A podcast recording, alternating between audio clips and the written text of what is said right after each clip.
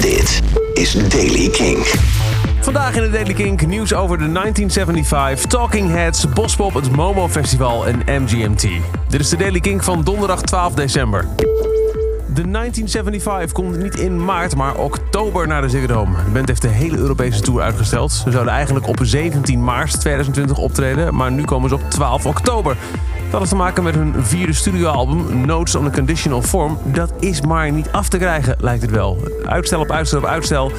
De release van de plaat stond eigenlijk gepland voor 21 februari, maar de band heeft meer tijd nodig om het album af te maken en heeft daardoor dus de hele Europese tour uitgesteld. Het lijkt erop dat de Talking Heads hun eigen officiële Instagram-account hebben geopend. Er staat nog niks op, maar het is wel Talking Heads official en het lijkt echt van de band zelf te zijn. Fans helemaal in paniek. Inmiddels zijn er meer dan 10.000 volgers in twee dagen, waaronder voormalig toetsenist van de band Jerry Harrison. Het is bijzonder. De Talking Heads reunie werd altijd nu, nu, nu, nu, nu, eh, volledig eh, als nou, bijna onmogelijk eh, gekwalificeerd door zanger David Byrne. Maar ja, nu is het wel oké. Spannend. Vorig jaar moest hij afzeggen om gezondheidsredenen. Dit jaar komt hij terug. Sting staat op vrijdag 10 juli op Bospop 2020. En op 16 tot en met 18 april 2020 is de 20e editie van het Momo Festival. Een ode aan de verwondering en de stad Rotterdam. De eerste namen zijn bekendgemaakt. Evie de Visser, Squid, Big Society, Black Country... eh, Charlotte Adegerie, Working Men's Club, New Roads... en nog vele, vele andere. Volgend jaar april op het Momo Festival. En MGMT heeft een nieuwe single uitgebracht. Vorige maand speelden ze het tijdens een eenmalige show in Las Vegas, in the afternoon.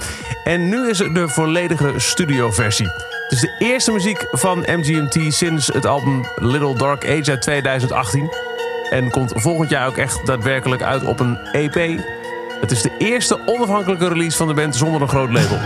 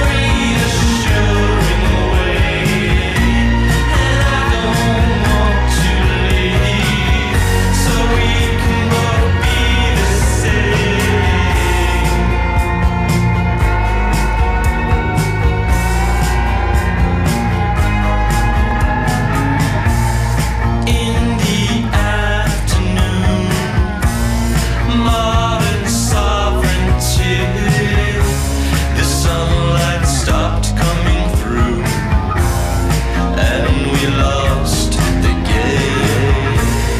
Brains like nesting dolls, plotting their escape. De nieuwe van MGMT in the afternoon. Dat is over deze aflevering van de Daily Kink. Elke dag in een paar minuten het laatste muzieknieuws en nieuwe releases. Niks missen? Dan volg je de Daily Kink in je favoriete podcast app op Spotify. Of check dag in dag uit de Kink app of kink.nl. Elke dag het laatste muzieknieuws en de belangrijkste releases in de Daily Kink. Check hem op kink.nl of vraag om Daily Kink aan je smart speaker.